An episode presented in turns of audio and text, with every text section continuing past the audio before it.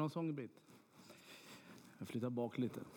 Det här är i alla fall den församling där jag är uppvuxen, eller jag var barn här. Jag såg ut ungefär likadant fast jag hade håret uppe på huvudet då.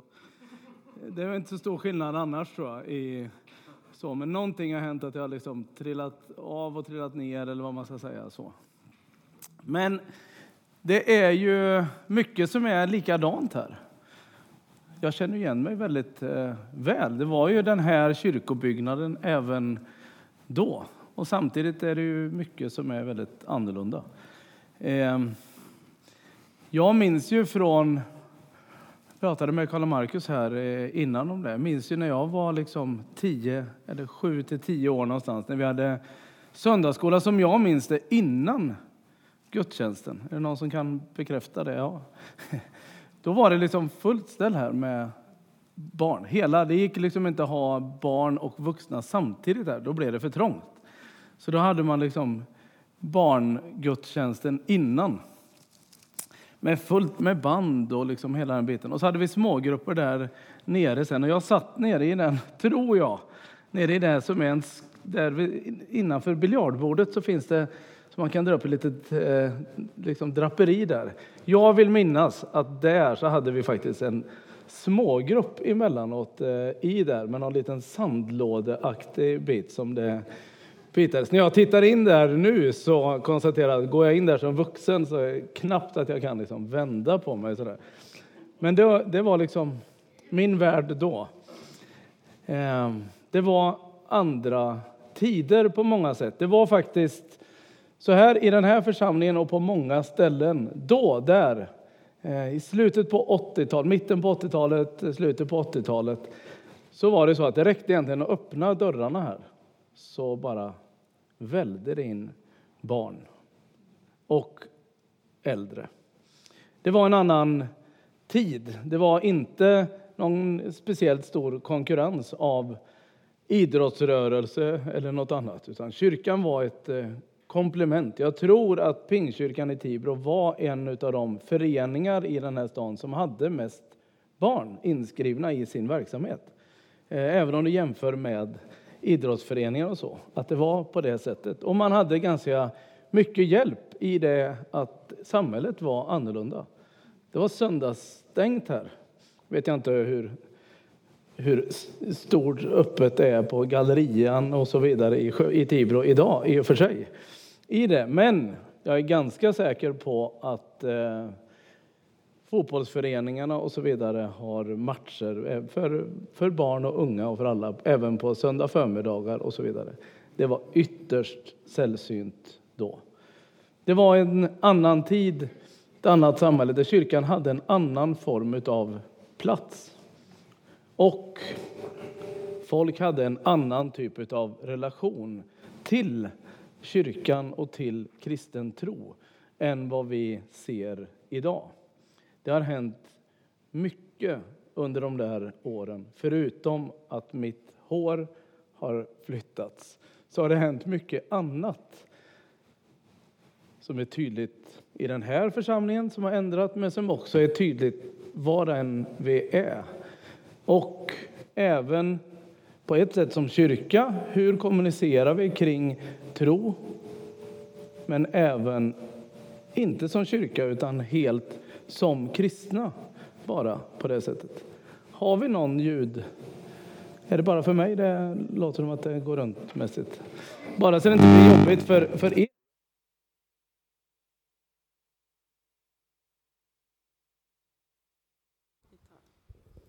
Vi gör så, blir det bättre? Vet jag inte hur jag ska få av den där, men då drar jag ur den där. Nu är den sladden helt ur, så att nu hoppas jag att du löser det. Bra.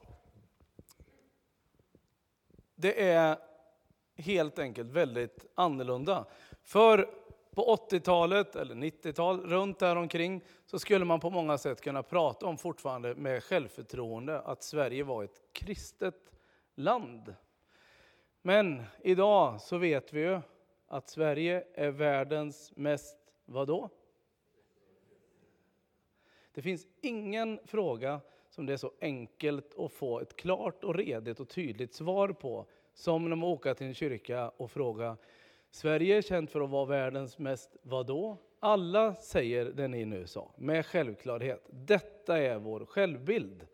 Detta är vad vi är formade i nu. Det är svårt och det är tungt och det är deppigt och det är långt till Gud och folk har långt till kyrka och det är inte mycket att göra, det var bättre förr. Tänk om det någon gång kan bli annorlunda, men det är inte idag, utan det är sekulariserat och jobbigt och lite sådär. Och så funderar man på, är det sant då? Vi, vi säger det ju, och vi har ju hört det. Men är det sant då? Och vad innebär det i så fall? Det finns undersökningar som väldigt tydligt pekar på att Sverige är sekulariserat, alltså inte med samma självklarhet förhåller sig till religion som man gjorde förr och som man gör i andra delar av världen. Det är sant kan man säga. Att Sverige har längre till, i allmänhet, till den formen av liksom, frågor kring Gud och tro. Det är ju inte samma sak som att Gud har längre till svensken dock. Och det är inte så givet vad det innebär att vara ett sekulariserat land. Det finns en eh, undersökning som gjordes för, den har förvisso sådär tiotalet år på nacken, men den är väldigt talande och intressant. Tio år sedan så gjorde man en stor undersökning, en sån här megaundersökning på EU-nivå. Man frågade folk i alla EU-länder samma typer av frågor, för man kunde jämföra. Och där så fanns det en avdelning som handlade om religion och livsåskådning. Och där ställde man då frågan, tror du på Gud? Nej, finns Gud? Började man med att fråga. Finns Gud? Hur många svenskar svarade ja på det? Tror ni? Ungefär. Eh, någon som har en gissning? Finns Gud? Alltså det, nu pratar vi ju, det finns ju många religioner också som relaterar till Gudbegreppet. Så det är inte finns Gud har han uppenbarat sig i Jesus Kristus. Utan finns Gud?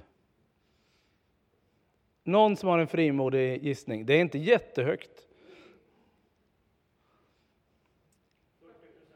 40 procent. Om du halverar det så är vi på 20 procent. Så svarade svensken. Det är lägst i EU. Ingen annanstans svarar så få ja på frågan om Gud finns. Och det är utifrån den formen av undersökningar och liknande som man drar slutsatsen att vi är väldigt sekulära. Vi tror ju inte på Gud, eller vi säger att Gud inte finns. Men man ställer en fråga till. Tror du på Gud? Hur många svarar ja då? Nu, ja Marcus. 40, bra! 40 procent svarar då ja, vilket ju är lite komiskt. Finns Gud? 20 procent, ja. Tror du på Gud? Dubbelt så många. 40 procent, ja. Jag sa det här i Norge en gång när jag var och föreläste. Då kom det snabbt, kan jag säga, lite små, sånt småfniss. Och så var det en som sa det alla tänkte. Dumme svenskar. ja, för det är ju, går ju inte ihop, tycker man. Så ställer man en fråga till. Tror du att det finns en högre makt? Hur många svarar ja då i Sverige tror ni? Tror ni det är fler eller färre? Fler. Hur många då? 80, är inte riktigt. 60, 56 procent. Och det är högst i EU. Ingen annanstans så säger så många att de har tro på en högre makt som man inte kan sätta liksom namn på. Men någonting har jag anat, någonting tror jag finns. Och man kan ju då känna bara, men så flummigt och allt detta. Men man kan också konstatera, ja, sekulära i en bemärkelse, men i en annan bemärkelse väldigt andliga. Om vi tillåts vara ospecifikt andliga så är vi EUs mest andliga folk. Men anandet av Gud i allmänhet, eller i så pass allmänhet att det är en högre ospecifik makt, fyller inga kyrkor, fyller inga söndagsskolor riktigt. Tyvärr, det har vi i alla fall inte sett än. Så det är ett annat land vi bor i. Det är ett annat Tibro, det är ett annat folk. på, den, på det sättet. Och här kan man ju fundera på hur man, vilken väg man ska gå och fundera på, finns det faktiskt någonting att liksom röra vid här för att hitta ett annat tilltal än det vi har varit vana vid och som fungerade väldigt bra förut. Finns det något annat att växa in i gentemot svensken? Jag tänker ofta när jag tänker på svensken så har jag målbild framför mig kring de här. För det finns ju de som då, finns det en högre makt? De säger det, men det finns också många i den gruppen där som säger att de har försökt att specificera sin tro. Och en av dem är konstnären Jesper Walder, Waldersten, tror han heter. Eller Waldensten. Jesper heter han i alla fall. Han blev intervjuad i podcasten Värvet för några år sedan och Kristoffer Triumf som eh, intervjuade i den podcasten frågade, tror du på Gud? Slängde ut bara så här plötsligt. Ja, det gör jag. Eller jag har försökt i alla fall, sa han. Ett tag försökte jag jättemycket. Jag köpte ett stort kors och hängde runt halsen. Större än detta tror jag, utifrån det han beskrev. Och verkligen liksom försökte tydliggöra det. Men det föll förstås i jämförelse med alla dessa som vet Gud, svarade han. Eh, och jag pausade och spolade tillbaka och lyssnade igen och lyssnade igen. Och för mig så blev det tyvärr väldigt talande. Någonstans i den här biten av när jag jämfört mig med de troende så känns det som att jag inte räcker till.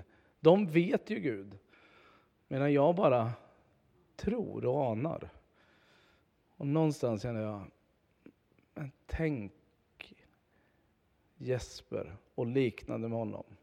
Du kunde få finnas med i en församling och få finnas där och upptäcka eller få möta människor i din närhet som drog dig närmre till den Gud du anat. Som gjorde att du kände, ja, jag tror på Gud och jag har styrkts i det de senaste åren. Efter att jag gjorde ett ställningstagande, köpte det stora korset och började tydliggöra min tro, så har den vuxit till. Hur gör man det?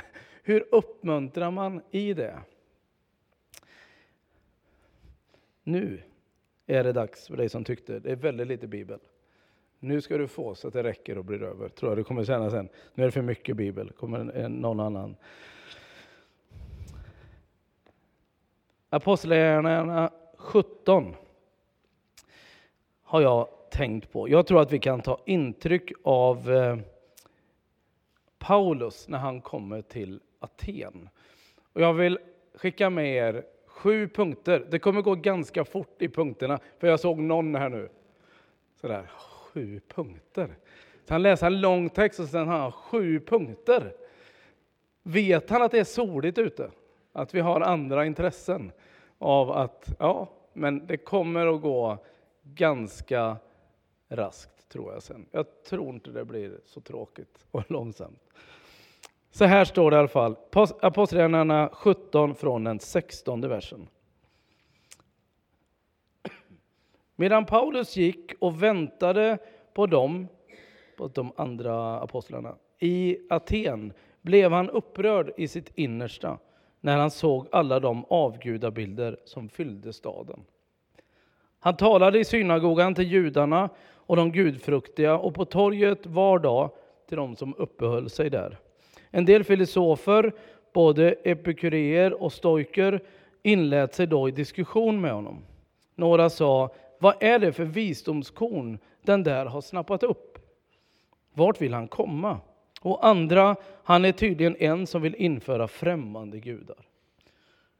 Paulus predikade budskapet om Jesus och uppståndelsen. De tog honom med sig till Areopagen och sa, kan vi få reda på vad det är för en ny lära du förkunnar? Det är besynnerliga saker som du dukar upp för oss. Nu vill vi veta vad det är frågan om. Atenarna, liksom de främlingar som bodde i staden, ägnade nämligen all sin tid åt att tala om och lyssna på det som var nytt för dagen. Paulus steg fram och inför Areopagen och sa, Atenare, jag ser av allt att ni är mycket noga med religiösa ting. När jag har gått omkring och sett på era gudabilder har jag nämligen också upptäckt ett altare med inskriften åt en okänd Gud. Det som ni alltså dyrkar utan att känna till, det är vad jag förkunnar för er. Gud som har skapat världen och allt den rymmer, han som är herre över himmel och jord, bor inte i tempel som är byggda av människohand. Inte heller låter han betjäna sig av människohänder som om han behövde något. Han som själv ger alla liv och anda och allt. Av en enda människa har han skapat alla folk. Han har låtit dem bo över hela jordens yta och han har fastställt bestämda tider för dem och de gränser inom vilka de ska bo. Det har han gjort för att de skulle söka Gud och kanske kunna treva sig fram till honom. Han är ju inte långt borta från någon enda av oss. Ty i honom är det vi lever, rör oss och är till, som också några av era egna skalder har sagt. Vi har vårt ursprung i honom.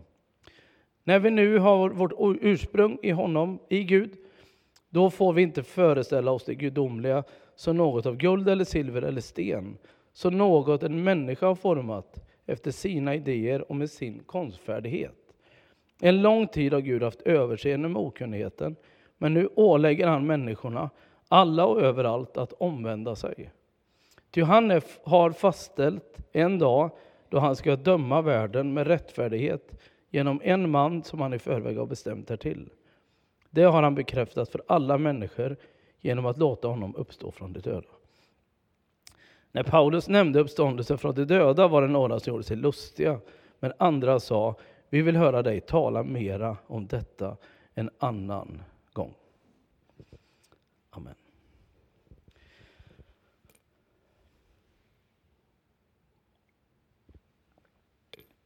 Har ni de sju punkterna framför er? Hörde ni dem? Kanske inte så givet. En och annan kan du börja ana. Pernilla har börjat stava här, på, det försökt dela in i sina punkter utifrån van predikant. Säkert fångat in ett par av dem. Den första skulle jag vilja, för här är det nu tal om, vad lär vi ur den här texten, ur Paulus kommunikation i, en, i ett nytt sammanhang. Aten var väldigt annorlunda gentemot de andra ställen han hade varit i. Det var liksom inte alls samma, det var en annan form av mentalitet och förhållande till frågorna om tro, vilket vi ser i mötet med de här människorna. Hur agerar han där? Och hur resonerar han där? Hur väljer han att möta människor? Det börjar med att det står att han blev upprörd. Och jag tycker ibland att vi är lite för icke-upprörda. Lite för eh, lugna och stilla, lite för fogliga, lite sådär lagom, som ju är något annat. Sverige är världens mest lagom folk. Sådär, eh, att vi är, drar oss för det lite. Lite konflikträdda som kyrka på det sättet, vill inte liksom stöta sig och så vidare. Att våga bli lite upprörd och faktiskt våga benämna att här är saker som inte är som det ska. Här är saker som borde vara på ett annat sätt.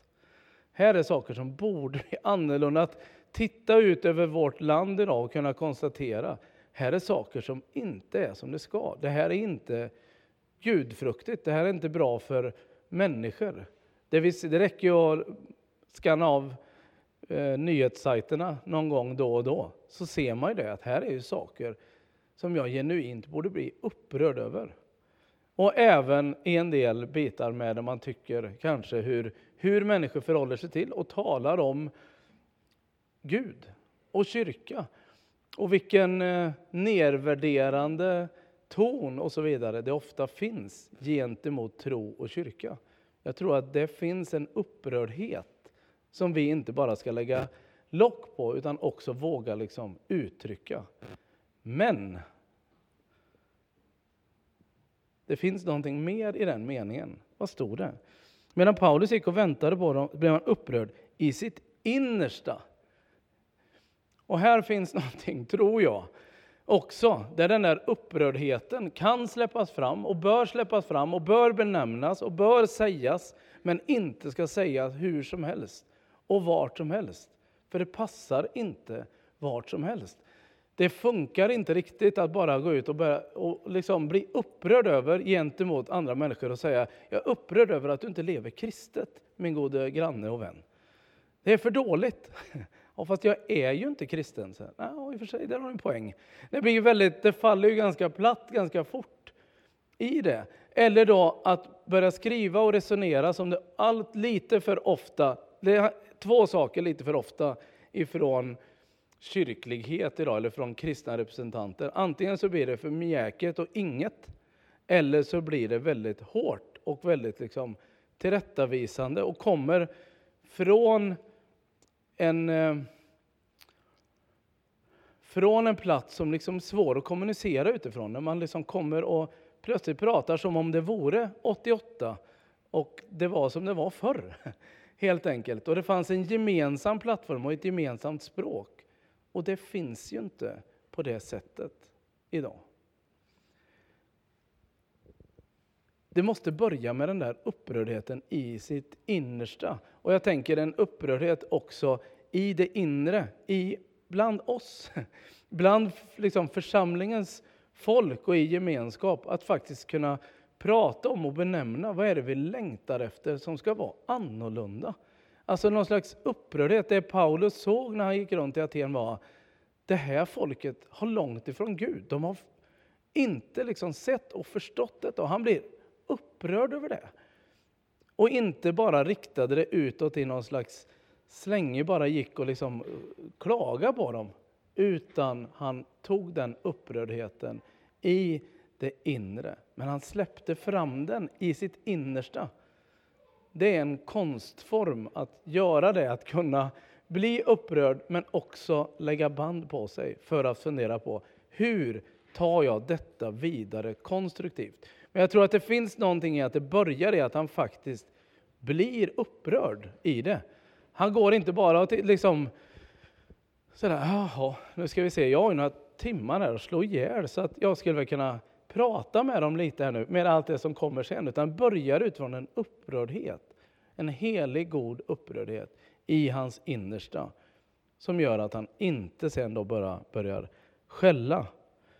För sen kommer det också i det, när han börjar tala med dem utifrån detta, så märker han en nyfikenhet när han börjar lyssna. I nästa vers så står det det.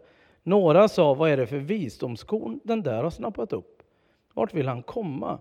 Han är tydligen en som vill införa främmande gudar.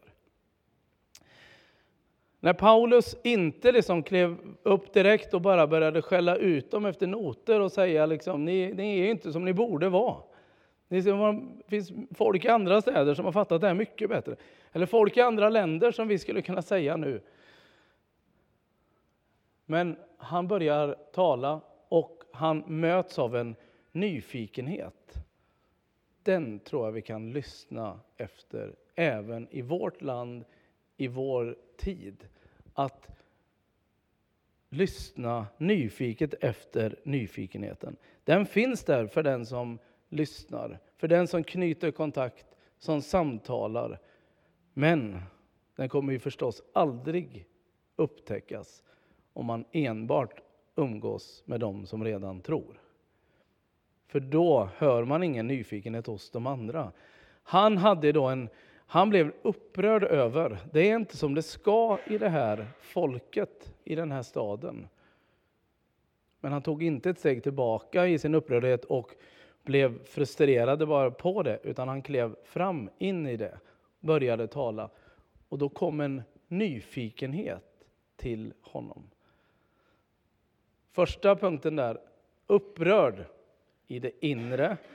Det andra, att börja faktiskt ta de här kontakterna, börja knyta an till nya människor och börja lyssna efter nyfikenheten som kommer där. Vad är det du har? Vad är det du pratar om? Vad är det du har upplevt? Vad är berättelsen som styr ditt liv och som vägleder ditt liv? Den finns där, vänner. För Gud har inte långt till någon enda. Inte ens svensken, inte ens Tibrobon, inte ens Hörnebobon. Eller vad man nu, jag vet inte vad vi har för typer av graderingar i den här stan. Men.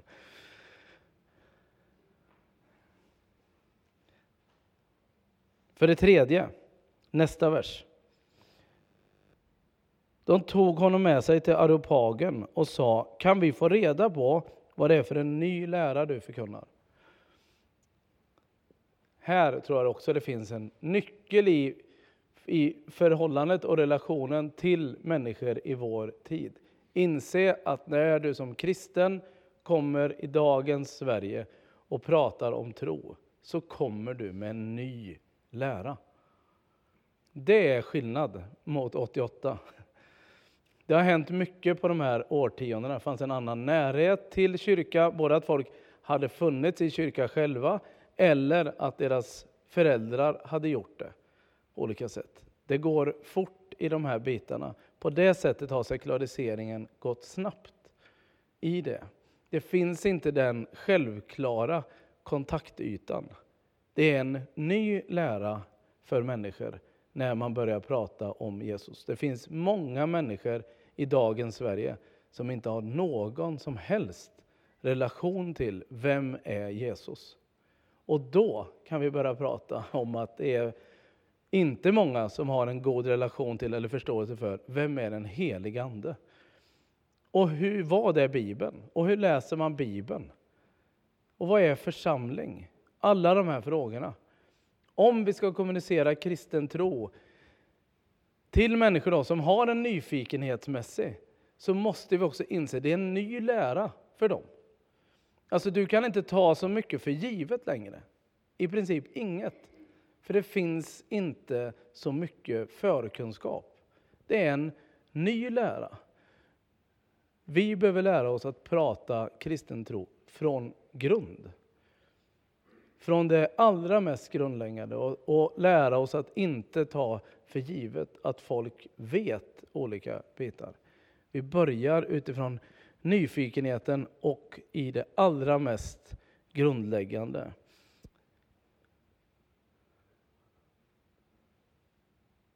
Det var nummer tre.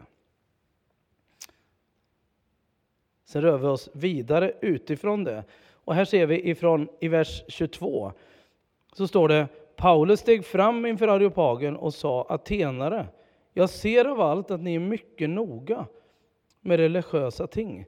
När jag har gått omkring och sett på era gudabilder har jag nämligen också upptäckt ett altare med inskriften åt en okänd gud. Det som ni alltså dyrkar utan att känna till, det är vad jag förkunnar för er. Paulus har då blivit upprörd över det han har sett. Han har konstaterat, han sätter sett en massa avgudabilder som har gjort honom upprörd.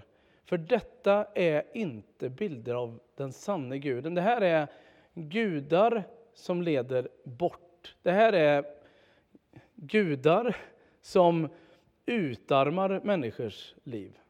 Det här är gudar som, som gör att människor kommer på villovägar bort från den sanne guden. och har gjort honom upprörd.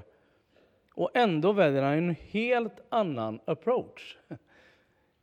Atenare, jag ser att ni är mycket noggranna med religiösa ting. När jag har gått omkring och sett på era gudabilder, han säger ju inte ens avgudabilder där, han säger bara gudabilder, har jag nämligen också upptäckt ett altare med inskriften åt en okänd Gud. Han uppmuntrar alltså deras religiositet. Han uppmuntrar deras längtan, deras sökande. Han pratar inte med dem om att de har kommit fel. Han pratar om det som är det potentiellt rätta. Alltså deras längtan. Det är inte deras fel att de inte har landat rätt i att vilken Gud de ska följa. Utan han tar fasta på deras längtan i detta. Och han tar fasta på det som är möjligt att uppmuntra, att blåsa på. Det vackra de upplevt och känt i sitt sökande. Det tror jag att vi behöver kliva in och förkunna att det är Gud. Det var det han gjorde här. i det. Han säger, det ni nu har där, jag hittade en där det står att en okänd Gud. Det är min Gud. Han går in och liksom tar över den biten. Han börjar liksom prata. Ni vet inte att det är Gud. Tänk det, att få hamna det i en relationmässigt i det och få säga, liksom, få höra nyfikenheten. Vad är det du har som jag skulle kunna vara intresserad av? Och så få börja prata om en ny lära. Den nya, gamla, uråldriga läran om Jesus Kristus som världens frälsare. Få presentera den och också få titta in i andra människors liv. Inte bara säga, så nu är det dags bara att du, du måste bli precis som jag här och göra precis. Utan få titta, få vara så modig att titta in i människors liv och situation och säga, här hittar jag Gud hos dig. Du vet inte att det är Gud här som rör sig, men jag ser det. Detta du upplevde när du kände, som du sa, att det var som att du helt förbluffad kunde känna att någonting bara plötsligt vände. Och att du, du fick det där, när du fick det där jobbet som du bara trodde inte var möjligt. Jag tror det var Gud som var där. Du, du, eller den där änglavakten vid eh, olyckan. Eller det där fantastiska i förlossningsrummet när du fick ett barn i det. Och du sa, jag visste bara inte vem jag skulle tacka. Det fanns ju ingen att tacka. Jag ville tacka barnmorskan, men hon sa, jag var inte med när det här var inte riktigt så. Jag försökte tacka min man, men så kom jag ju på att det, ja, jag har för mycket bitar med den här mannen som jag också eh, har synpunkter på. Så jag har svårt att tacka han hela vägen för det här fantastiska livet. Han är väl bra den här mannen, men detta är ju något annat. Var kom den här ifrån? Jag kände jag var tvungen att tacka någon. Det är min Gud som du försökte tacka utan att veta det. Få komma in och få berätta och få vägleda utifrån det som vi vet är sant men som alla inte har upptäckt. Åt en okänd Gud och få säga det med frimodighet och glädje. Att inte släppa fram bara den här upprördheten då, utan istället få släppa fram välsignelsen, det positiva bejakandet och få peka ut Gud hos människor. Alla goda gåvor kommer från himlaljusens fader, skriver Jakob i sitt brev. Alla goda gåvor, inte alla goda gåvor som händer i gudstjänstrummet eh, på förmiddagar eller på kvällar om ni är i Missionskyrkan. Eller hur är det? Utan alla goda gåvor överhuvudtaget i den här världen kommer från himlaljusens fader. Det vet vi, det är vad Bibeln säger. Allting gott, överallt, har sitt ursprung i Gud. Om Gud lyfter sin ande från den här jorden så är det över med alla positiva, goda saker. Då finns det inga kramar, inga klappar på kind, det finns inga uppmuntrande ord. Då är det bara mobbing, rån och elände kvar. Gud har låtit sin ande falla över den här jorden. Guds försyn så har den faktiskt kommit alla människor till del. Det är inte samma sak som att alla har en levande relation med den guden. Men alla har fått smak av Gud. Alla har blivit välsignade. Ingenting gott sker utan att det har sitt ursprung i Gud. Och kan vi se det och ta det med oss och få föra det fram med glädje och med frimodighet så tror jag att vi har en helt annan berättelse framför oss och med oss att få dela. Det positiva du har upplevt nu, den här glädjen, det är Gud som rör sig i ditt liv. Det är Guds vingslag. Jag vet vem du ska tacka för det fina. Jag vet att Astrid Lindgren fick frågan en gång att hon, om hon trodde på Gud. Nej, det gör jag inte, sa hon. Fast det är helt ohederligt av mig att egentligen påstå det. För varenda gång jag står där och luktar på blommorna så tackar jag ju någon. Och när jag har fött mina barn så har jag behövt tacka någon. Så i praktiken gör jag väl det. Men jag försöker påstå att jag inte gör det. Det här var inte ett helt ordagrant citat. Det tas väldigt mycket ur, ur minnet här. Men det finns med i biografin som skrevs här om året om, eh, om Astrid. Så tror jag det är för väldigt många. Det finns inte den där tydliga Man har anat den där guden. Va? Den högre makten. Och vi kan få berätta. Vi vet vem den högre makten är. Det är Gud. Det är Jesus.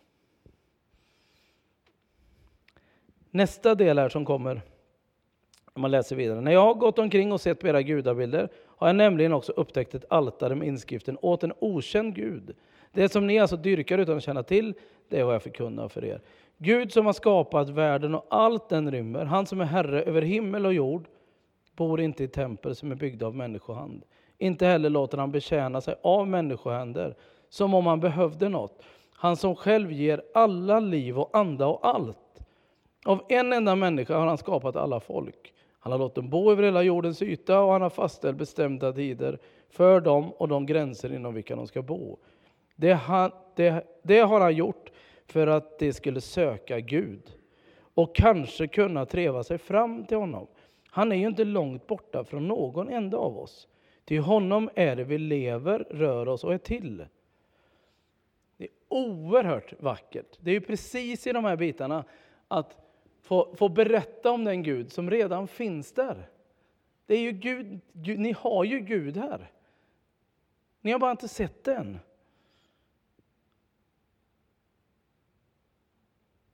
Positiva, vackra bilden. I honom är det vi lever, rör oss och är till. Jag tänker det finns en grundläggande, liksom väldigt positiv berättelse för att få tala ut det och få teckna det. Teckna kristen tro, tydligt, frimodigt, positivt. Peka ut det hos, dem, alltså hos andra människor när det rör sig, men också den här större berättelsen. Inte bara den specifika utpekningen, utan den allmänna liksom, berättelsen i detta, den positiva biten. Det var punkt 5. Och punkt 6 i detta, det är det som händer i nästa vers där, när han säger det. Eh, nu ska vi se. Till honom är det vi lever, rör oss och är till, som också några av era egna skalder har sagt. Vi har vårt ursprung i honom. Era egna skalder, varför inte citera Mose och annat istället? De riktiga i det. Jo, han tar istället fasta på något av de egna skalderna, som poeterna som de hade, de som fanns där omkring. Inte då gå till sina skalder och säga det här var vad någon som jag har en god relation till har sagt, utan era skalder. Jag tänker, här finns också någonting att dra fram med, att börja relatera gentemot det som människor har omkring sig. Alltså exempelvis snarare Miss Li än Mose. Är ni med? Det finns ganska mycket sånger som rör sig i populärkultur, på radio och så vidare, som om folk då inte sitter och läser Moseböckerna så att det är så lätt att relatera till det, så sjunger Miss Li om det här på radion. Med alla liksom olika funderingar kring om Gud finns och en längtan efter bönesvaret och så vidare. Och det finns ju en massa sånger och filmer och så vidare som pågår och som sjungs och som visas och som folk tittar på. Tänk om vi skulle bli, kunna bli bättre på att titta på detta med den formen av ögon också och få börja se. Det där, och kunna börja relatera till det på ett, ett eh, klokare och bra sätt. Börja dra kristen tro ur populärkulturen, som era egna skalder redan har sagt. Som Miss Li sjunger.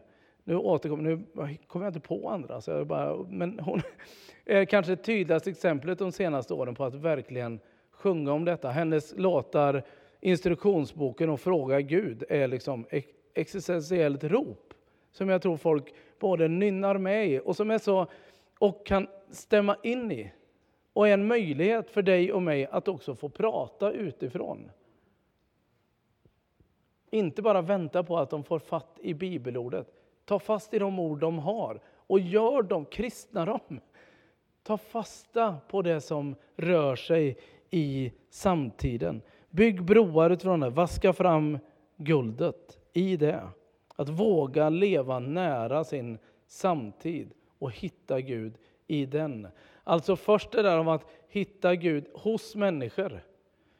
Men också hitta Gud runt omkring i vår samtid och börja peka på det och börja tala utifrån det. Och sen som sist här säger han, när vi nu har vårt ursprung i Gud då får vi inte föreställa oss det gudomliga som något av guld eller silver eller sten, som något en människa har format efter sina idéer och med sin konstfärdighet. En lång tid har Gud haft överseende med okunnigheten, men nu ålägger han människorna, alla och överallt, att omvända sig. Ty han har fastställt en dag då han ska döma världen med rättfärdighet genom en man som han i förväg har bestämt därtill. Det har han bekräftat för alla människor genom att låta honom uppstå från de döda. Han kommer dit. Det här är ganska klassisk liksom, omvändelseförkunnelse som säger Gud vill att du byter riktning i ditt liv. Han vill att du rör dig bort från de där avgudarna hit till honom, till den okände guden. Det kan inte plockas bort ifrån en kyrka. Det kan inte plockas bort ur en kristen berättelse. Det behöver finnas där till utmaning och till uppmaning. Omvänd dig. Men han börjar inte där. Han landar där efter det andra. Det har sin plats i den inbjudan utifrån den inbjudande, bekräftande, bejakande kultur han har haft innan. Där kommer det med sin plats sen, när de har fått höra och se. Gud är för oss. Gud är redan den som upprätthåller min värld. Det är Gud som ger alla goda gåvor. Det jag inte hade förstått förut och nu börjat ana. Den guden vill jag omvända mig till. Det är skillnad än du måste omvända den här guden annars kommer det bli bedrövligt för dig när du dör. Det är liksom en annan ingång än att säga den Gud som gör det positiva, vackra möjligt för dig redan nu. Den guden kan du få ge dig till. Och det kommer bara bli positivare och vackrare. Det är skillnad att få omvända sig till det vackra, det positiva, än att omvända sig utifrån något man inte riktigt förstår, men som någon säger kommer rädda mig från något hemskt framöver. Så här, en enkel liten genomgång utifrån Paulus i Aten.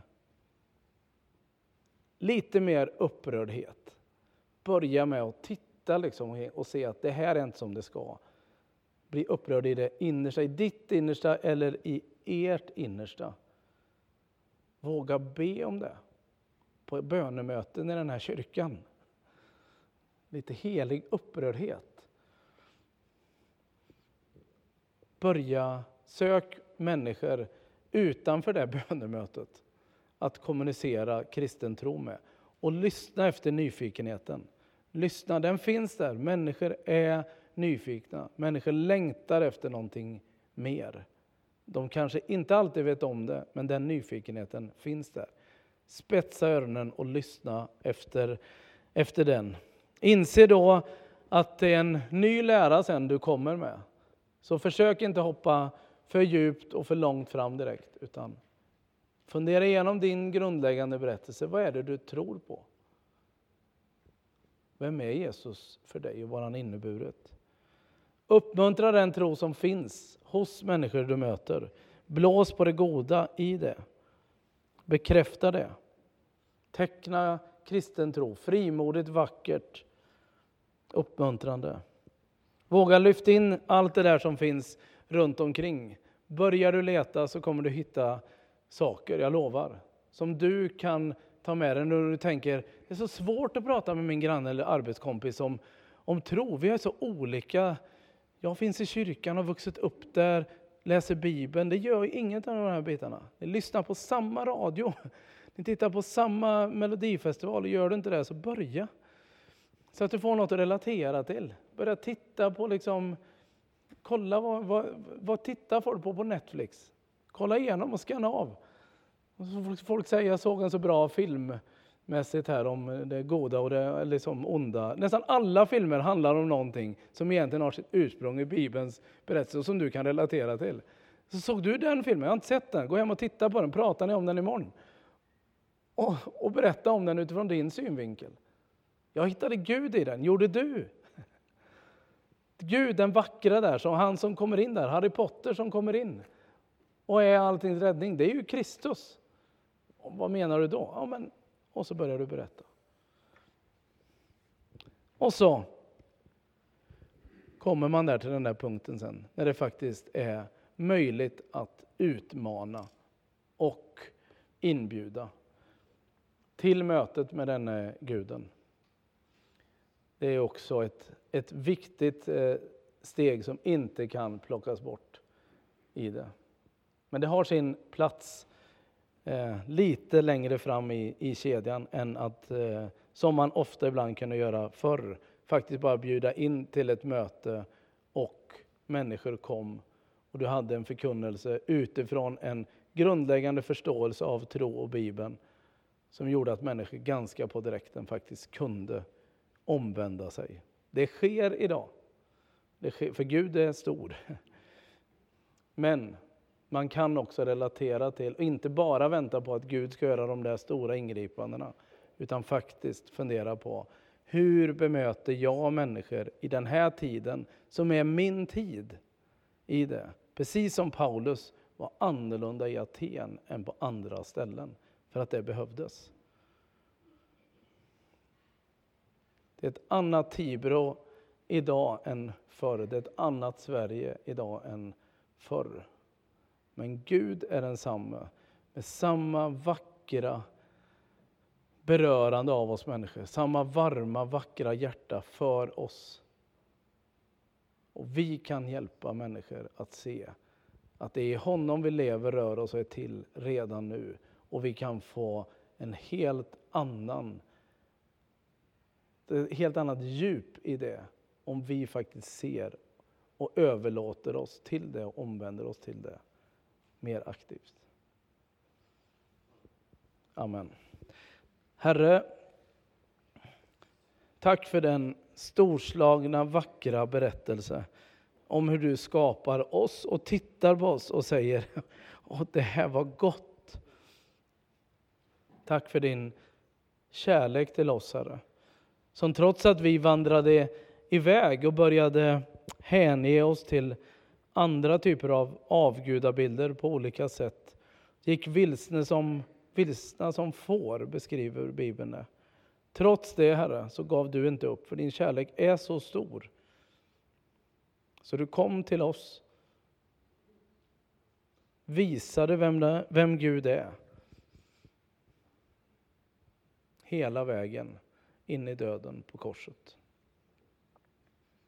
Tack Herre för din, eh, ditt stora hjärta, Herre.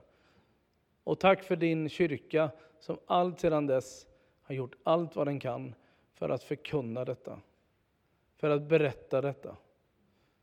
Tack för Paulus som åkte omkring och som letade efter ett sätt att nå atenarna på för att få fram detta. Tack för den här berättelsen, Herre. Och Herre, hjälp oss att lära av den. Låt det som kanske var ifrån dig i den här predikan, låt det få stanna kvar hos oss, Herre. Låt det få bli en, en uppmuntran, Herre. Till att se att vi är ett andligt folk som behöver andlig vägledning. För att se vem den här okände guden är.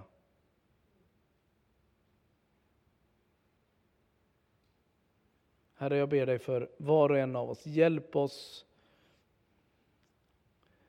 att bli heligt upprörda. Hjälp oss att bli eh, fyllda av frimodighet och mod att ta med världens absolut vackraste berättelse till vår samtid, till vår omvärld, Herre. Då ber vi dig, Herre, att du kommer, utrustar oss och att du möter med människor och för dem hem till dig. Amen.